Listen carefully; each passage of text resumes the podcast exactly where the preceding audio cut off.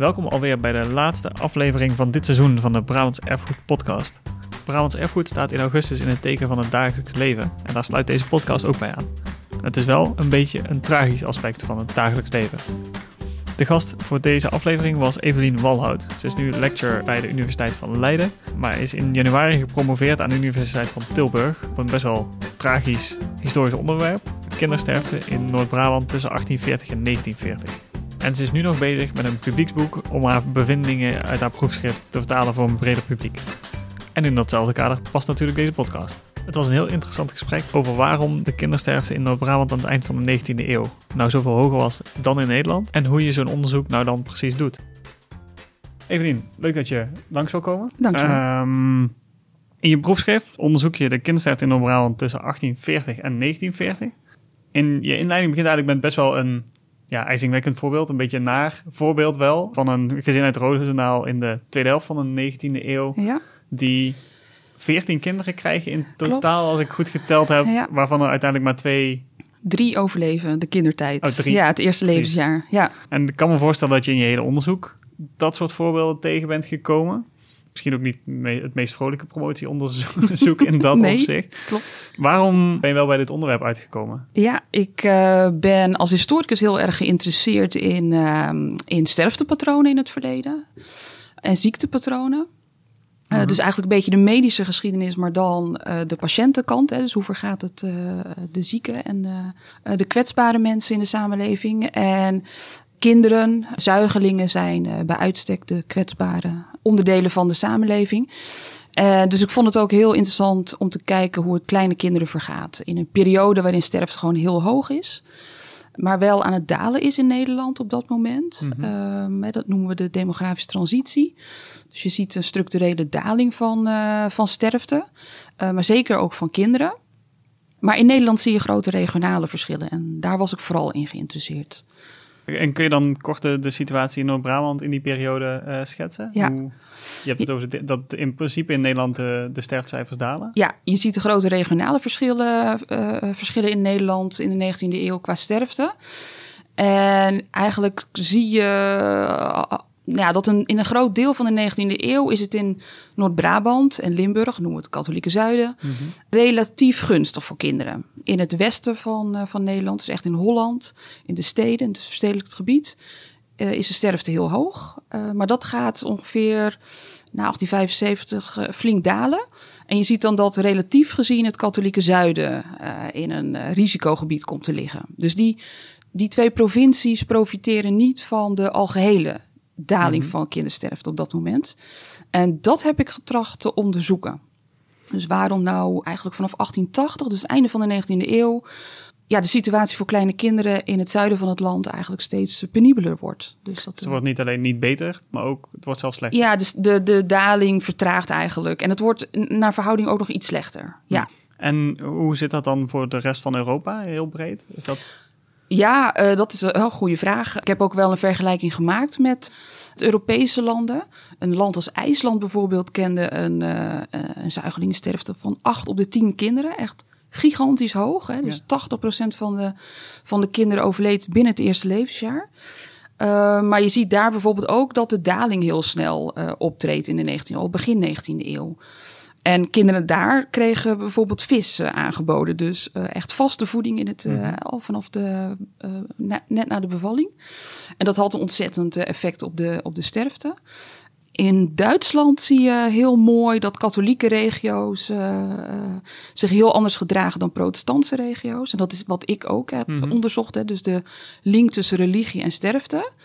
En Duitse onderzoek heeft ook aangetoond dat ja, het katholicisme ook uh, van invloed is geweest. Dus onder andere op borstvoedingspraktijken. Dus echt een, een culturele component zit in dat. Zeker, ja. En de situatie in heel Noord-Brabant, was dat hetzelfde of verschilde dat ook nog heel sterk per regio? Zeker niet. Ja, want dat heb ik ook willen onderzoeken. Brabant is vaak eh, beschreven door tijdgenoten als een risicogebied. He, dus uh, nou ja, Brabant wordt eigenlijk uh, gezien als een, als een geheel. En wat ik heb laten zien met, uh, met mijn data is dat er juist binnen zo'n provincie grote regionale verschillen zijn. Dus dat regio's waar, uh, waar kinderen hè, met een hoge kindersterfte lagen naast regio's waar het eigenlijk heel gunstig was voor kleine kinderen. En ja, dat is heel lastig om dat te verklaren. Maar op zich, het vaststellen van die grote regionale verschillen is ook al veelzeggend. Hè? Dus het waren onder andere dus die grote textielsteden, dus de, de mm industriesteden, uh, Tilburg, Helmond, Eindhoven. Maar ook een regio als Peeland, wat eigenlijk uh, heel um, ja, echt een plattelandsregio is, zag ook die verhoogde sterfte aan het einde van de 19e eeuw. Dus het is niet per se iets wat met de industrialisatie... Nou ja, je denkt dan meteen van, oh, ik, ik heb hier iets te pakken. Het is Mhm. de industrie. Maar je ziet eigenlijk dat zo'n plattelandsregio ook datzelfde patroon laat zien. Dus dat, uh, dat is ook interessant. Dat industrialisatie in ieder geval niet de enige nee, reden zou nee, kunnen zijn, nee, als het al een nee, reden. nee. Uh, en dat er dus ook iets regionaals aan de hand is. Ja, want je zit in de periode voordat eigenlijk in Brabant de industrie zich pas heel erg aan het ontwikkelen is aan het eind van de 19e eeuw. Zeker, ja. Um, waar misschien ook wel de katholieke cultuur heel erg sterk is. Verzuiling, in, in ja, het zogenaamde rijke Roomse leven in Ja. die periode wel. Hoe onderzoek je nou zo'n vraag? Waar begin je dan? Nou, het mooie is dat we tegenwoordig uh, beschikken over prachtige datasets. Uh, dus wat ik heb gebruikt is onder andere data van de historische steekproef Nederlandse bevolking. Dat is een uh, nationale dataset waarin eigenlijk een half procent van de Nederlandse bevolking wordt gevolgd van de wieg tot het graf. Met behulp van uh, eigenlijk de bronnen die uh, genealogen ook gebruiken. Dus de akte van de burgerlijke stand en de bevolkingsregisters. Mm -hmm. En daarin kan je mensen uh, volgen. Hè? Dus je kan ze eigenlijk in het archief opzoeken. In het gezin waarin ze worden geboren. Dus dan heb je gegevens van broertjes en zusjes en van de ouders. Gegevens over sociale klasse. Het beroep van de vader staat daarin Mhm. mm -hmm. opgetekend. Of ze katholiek zijn of protestants of joods. En je kan die kinderen, of zo'n zo'n ja, zo'n steekproefpersoon eigenlijk, zo moet je het zien, kan je volgen tot het, uh, tot het overlijden. Want het Nederlandse systeem uh, werkt zo dat uh, als iemand van in Den Bosch werd geboren en naar Groningen verhuisde, dan kan je ze in Groningen, bij de gemeente Groningen of in het archief, daar weer vinden in het bevolkingsregister. En zo kan je iedereen eigenlijk helemaal volgen. dus dat onder andere. En dan moet je ook denken aan hele grote datasets. En voor Roosendaal, en die kwam ik eigenlijk halverwege mijn onderzoek op het spoor, gebruik ik de doodsoorzakenstatistiek. En Mhm. dan op individueel niveau. Dus uh, vanaf 1865 uh, moet iedere overledene eigenlijk een, een, een opgetekende doodsoorzaak krijgen van een arts. Mhm. Zoals nu nog het geval is. En die doodsbriefjes, dus dat is eigenlijk een supplement van de overlijdensakte, die zijn voor Roosendaal prachtig bewaard gebleven voor een hele lange periode. Dus vanaf 1865 tot 1938 is voor iedereen die in Roosendaal overlijdt de doodsoorzaak opgetekend. En dat maakt dat je bijvoorbeeld naar, onder andere naar infectieziektes uh, onderzoek kan doen. En zeker ook naar borstvoedingspraktijken. En daar staat dan misschien ook de, gewoon het geboortedatum en sterfdatum. Absoluut, ja, uh, ja. Er staan weer al die gegevens dan op. weet je ook Dus of het een zuigeling was of niet. Zeker, ja. De leeftijd staat erop, uh, wat het beroep van de vader was. Dus je kan sociale klasse uh, onderzoeken.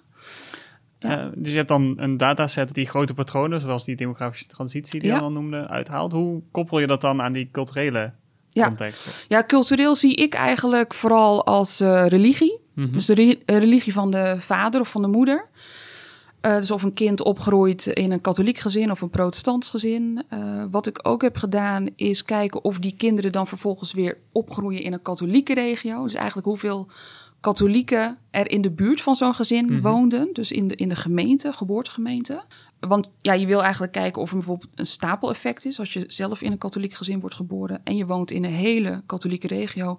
Vergroot dat dan de sterftekans of maakt dat niet uit? Is het echt het eigen gezin wat bepalend is? Dus cultuur heb ik vooral uh, uh, ja, geoperationaliseerd als religie. Uh, maar ook in wat voor type regio je opgroeit. Dus of dat echt een industriële regio is. Ja, dat zijn eigenlijk sociaal-economische -hmm. variabelen. Ja. dus dat neem je ook mee. En je gaat er dan bij borstvoedingspraktijken ook vaak van uit dat dat lokale praktijken zijn. Dus het is enerzijds wordt dat door de religie bepaald. Uh, we weten dat de pastoor aan het eind van de 19e eeuw toch wel inzetten op flesvoeding. -hmm. uh, ja, niet zo. Artsen klagen daar vooral over. Hè? Dus mm -hmm. dat, dat pastoors niet borstvoeding stimuleren. Uh, maar je weet ook dat um, ja, voeding, voedingsgebruik uh, wordt doorgegeven van moeder op dochter. Dus er is ook iets lokaals aan de hand. Dus dat, en dat is lastig om te ontwaren. Ja, en dan de ene pastoor en het ene dorp is Absoluut. het andere dorp natuurlijk. Ja, nee, ook zeker. al zijn ze misschien allebei katholiek. Ja, Nou, eh, dat zal ook vast of- aan de persoon van de pastoor soms hebben gelegen. ja, precies. Eh, maar dat probeer je dan te vangen dus, eh, door inderdaad te kijken of ze op dezelfde plek blijven wonen. Of in Ja. wat, en de, de religie bijvoorbeeld van de van Ja, de je kan het eigenlijk eh, alleen meten aan de, eh, aan de religie van de vader of moeder. Dat is eigenlijk Mhm. het enige wat je weet. Ja. Ja. Wat veroorzaakte dat verschil in negatieve opzicht? Dat, dat Ja. Noord-Brabant zo verschilde? Ja, nou je ziet vooral dat stapeleffect eh, van het katholicisme toch wel. Hè, dus eh, je ziet dus dat kinderen die in een katholiek eh, gezin opgroeien... echt een verhoogde sterftekans, een verhoogde sterfterisico kennen. Mhm. En dat heeft dan nog een stapeleffect als het ook nog eens een hele erge Brabantse regio is. Hè? Dus, dus het, het percentage katholieken heel hoog is in zo'n regio. Ja, zeker. En voor Roosendaal, want dat is één hoofdstuk in mijn proefschrift, eh, zoom ik helemaal in op Roosendaal, omdat we die prachtige Mhm. bron eh, daar Ja. hebben. Nou, Roosendaal is helemaal katholiek, dus je kan dat katholieke effect niet meer meten dan. Maar dan kan je juist mooi kijken naar andere factoren die in zo'n stad eh, belangrijk zijn. En dan zie je dat sociale klasse gewoon heel erg belangrijk is. Dus de arbeiders, de ongeschoolde arbeiders, die gezinnen worden vooral getroffen, de hoge kindersterfte. Komt het een keer in een gezin voor, is de kans dat een broertje of zusje komt te overlijden ook heel groot. Dus er is een familie-effect. Maakt het heel extra tragisch Eh, natuurlijk. Absoluut. Nou, dat is dat gezin waar je het net over had. Eh, hè, dan komt het een keer voor en dan zie je dus, ja, dan blijft het maar voorkomen dat die kinderen heel snel, binnen een week, binnen een maand komen te overlijden. En die kinderen gaan allemaal dood aan diarree. Dus je zou denken van, zou die moeder of die vader dat niet een keer hebben opgemerkt, hè, dat dat eh, elke keer aan dezelfde oorzaak ligt. Maar het zijn de kinderen van boeren die een verlaagd sterfterisico aan, eh, aan diarreeziekte hebben. Dus die kunnen hun kinderen kennelijk heel goed beschermen. Dus er zit echt een sociale klasse component ook in. Tussen nog niet eens rijk en arm dan, maar tussen arbeiders Nou, de boeren, ja, het is, West-Brabant heeft wat grotere, Mhm. eh, ja, hoe noem je dat? Eh, ik wil niet meteen herenboeren zeggen, maar het waren ook weer niet die kleine boertjes in het oosten van Brabant. Dus Wat grotere boeren. het kunnen best nog wel wat rijkere mensen geweest zijn in Roosendaal. Eh, maar het is vooral, denk ik, het feit dat ze verse koemelk tot hun Mm. beschikking hebben. Terwijl er ook door tijdgenoten ontzettend wordt geklaagd over stapelstallen. hè, dat er eigenlijk mest zit in de melk. Dus het, is, ja, het, is, het blijft een lastig eh, Ja, ik verhaal. net zeggen, hoe, hoe, hoe vertaalt zich dat dan naar concrete voorbeelden? Je noemde borstvoeding bijvoorbeeld al, Ja. van dat pastoors dat afraden. Ja, Ehm, dat die kinderen dan neem ik aan gevoed werden door flesvoeding. ja, Ehm, en dat die kennelijk van een veel mindere kwaliteit was. ja. Ja, ze raden niet meteen borstvoeding af, maar vooral borstvoeding in het openbaar. Mhm. Dus je mocht eigenlijk als, als Brabantse vrouw, als katholieke vrouw, in Limburg ook, eh, mocht je niet in het bijzijn van anderen borstvoeding geven. Hè. Dat werd eigenlijk in verband gebracht met, met seksualiteit, Mhm. het ontbloten van de borst. Dus dat maakt dat eigenlijk ja, mensen dat steeds minder gaan doen. Dus steeds meer eh, ook op flesvoeding. eh, dat was, flesvoeding was sowieso al wel gebruikelijk in, in deze regio. En wat ze dan kregen, ja, dat is het bekende verhaal van de, de gummislang. Ik denk dat veel Brabanders dat verhaal misschien wel kennen. Maar er werd dan eigenlijk een fles gezet naast de wieg. Mhm. Met de lange slang eh, naar de mond van de baby. Mhm. Dus de, een, een speen in de mond van de baby. Nou, die fles werd eh, gevuld met eh, melk en aangelengd met vervuild, hè, met vies drinkwater vaak. En die baby kon zich de hele dag zelf bedienen. Met alle gevolgen van dien. Hè. Dus die dronk wanneer die dorst had. Ja. Ehm, en dan ook nog eens werd die fles niet, eh, niet schoongemaakt. Die speen werd niet schoongemaakt. Dus dat is een bron van bacteriën. En je ziet ook dat, eh, dat in de zomermaanden die sterfte omhoog schiet. Omdat eh, dan in warme zomers, dan ja, heeft dat echt ook een stapeleffect. Ja, hebben die bacteriën natuurlijk veel meer kans om te groeien. ja. Of wat wonderlijk. Ja. Wat er- ja. En soms, ja, dat is ook wel pikant, dat er soms ook bijvoorbeeld brandewijn op een speen werd eh, Mhm.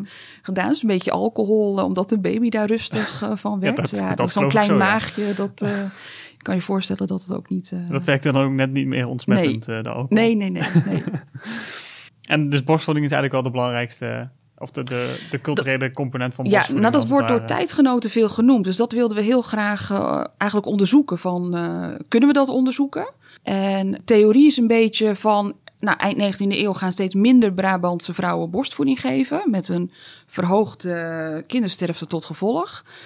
En dat is ofwel omdat vrouwen naar de fabrieken gingen... Mhm. hè, dus de industrialisatie... of het zijn die pastoors. En waarschijnlijk een combinatie. Uh, maar we weten ook dat ja, zodra vrouwen eigenlijk gingen trouwen en kinderen uh, kregen, dat ze de fabrieken verlieten. Dat ze de Mhm. thuisarbeid gingen uitvoeren. En dat heb ik ook niet heel stevig kunnen onderzoeken. Alleen dat, ja, dat, dat, dat religieuze aspect komt steeds wel heel erg uh, zwaar uh, uit de analyse. Kijk, er zijn al zoveel mensen die hebben zich gebogen op dit fenomeen. Mm -hmm. Dus het was ook een beetje lastig om dan nog een keer... Hè, dat, je, je hebt betere data, dus je wil het eigenlijk nog eens een keer onderzoeken... maar dan met betere uh, bronnen. maar het blijft heel complex geheel. Ja, je kan niet echt met heel hard bewijs komen. Die analyses laten wel verschillende interessante dingen zien. Dus dat, uh, en dat heeft onder andere toch met dat borstvoedingsaspect uh, te maken. Dat toch de, een, een overkoepelend iets is, maar wat toch heel erg verschilt in per, ja. per regio. En ja, per, en het effect, hè, je kan natuurlijk net uh, als bijvoorbeeld de waterbron wat minder vies is in jouw regio, ja, dan kan dat misschien de, die sterfte wat temperen. Ja. Maar ja dus misschien de er komt tragiek, heel veel bij elkaar. Dat, uh... is de tragiek van de, voor, voor de historicus van de historische werkelijkheid ja. in de 19e ja. eeuw, die we gewoon nooit meer Absoluut. kunnen nee, het liefst vangen, zou je vrouwen willen interviewen. Ja. Uh, maar dat kan en helaas al, niet. alle uh, melktesten absoluut, en alle, al het watertesten absoluut. en. Ja, dat zou helemaal fantastisch zijn. Ja. Uh, maar goed, je hebt er al met de, de, statistische analyse je, in je proefschrift Je probeert gedaan, er zo dicht een, mogelijk bij te komen. Precies, een inderdaad. flinke deuk ingeslagen. Ja, ik hoop het, wel. Ja, ja. Heel erg bedankt dat je er iets over wilde komen vertellen. heel erg tragisch onderwerp, maar wel heel interessant. heel interessant om die, de culturele component samenwerkt met... met sociaal-economische... Ja. ja, met sociaal-economisch en dan invloed heeft op het dagelijks leven van mensen. Ja. Um, en de dagelijkse realiteit. Dus dankjewel. Alsjeblieft. Op brabantserfgoed.nl slash podcast vind je de afleveringspagina die bij deze aflevering hoort. En daar vind je onder andere ook het proefschrift van Evelien. Daarnaast is ze nog hard op zoek naar mensen die soortgelijke ervaringen hebben en waarover die mensen wat aan haar willen vertellen voor haar publieksboek. Je kunt daarvoor een mailtje sturen naar e.c.walhout.hum.leidenuniv.nl Dat is e.c.walhout hum.leidenuniv.nl. Het e-mailadres staat straks ook op de afleveringspagina. Zoals gezegd was dit de laatste aflevering, maar wil je nu op de hoogte blijven van nieuwe artikelen op Brabants Erfgoed, meld je dan aan voor onze nieuwsbrief. Dat kan via brabantserfgoed.nl. Onderaan de pagina staat daar een vakje waar je e-mailadres achter kan laten. En dan word je elke twee weken op de hoogte gehouden van de leukste nieuwe artikelen van Brabants Erfgoed. Bovendien, en dat is wel spannend, zijn we eh, nog bezig met het voor elkaar krijgen om in het najaar enkele specials van deze podcast te nemen. Daarover hoor je dan ongetwijfeld in de nieuwsbrief of op onze social media nog veel meer.